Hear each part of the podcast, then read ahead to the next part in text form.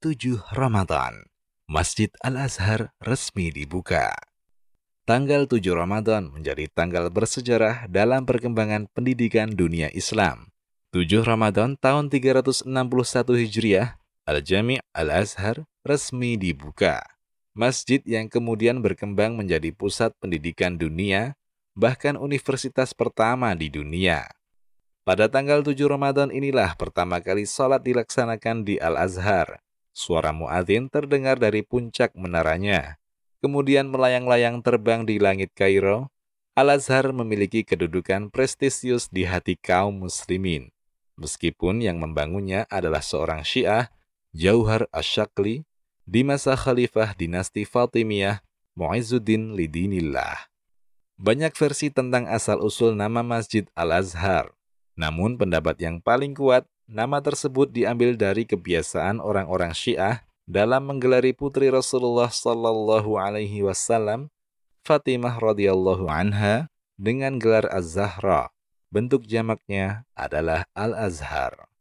Motivasi orang-orang Fatimiyah mendirikan Al-Jami Al-Azhar adalah untuk menyebarkan paham Syiah di Mesir. Akan tetapi, Alhamdulillah, dengan cepat Mesir kembali ke pemahaman Ahlus Sunnah wal Jamaah ketika dikuasai oleh Salahuddin Al-Ayubi rahimahullah. Kemudian, Al-Azhar malah menjadi menara tinggi yang menyebarkan paham sunni atau ahlus sunnah. Masjid Al-Azhar memainkan peranan penting dalam sejarah Islam. Ia menjadi masjid sekaligus universitas, bahkan dari sana pula pasukan perang diberangkatkan. Dari sana pula revolusi perbaikan dimulai. Di sana dididik para raja dan tokoh-tokoh umat.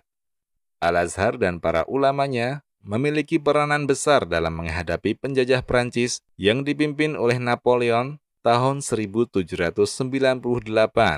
Para ulama Al-Azhar membakar semangat umat untuk mengadakan perlawanan, membebaskan Mesir dari penjajahan, sampai akhirnya Napoleon dan pasukannya keluar dari negeri Nabi Musa itu. Al-Azhar juga memiliki peranan penting dalam menghadapi penjajahan Inggris di Mesir. Pusat pendidikan itu bergabung dalam perlawanan Arab pada tahun 1881 menghadapi Inggris. Para ulama Al-Azhar berpengaruh besar dalam membangkitkan ruh nasionalisme Mesir melawan Inggris dan mematikan benih-benih sengketa antara umat Islam dan orang-orang Koptik di Mesir.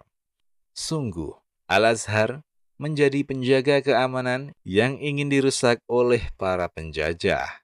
Demikian, wallahu a'lam bisawab.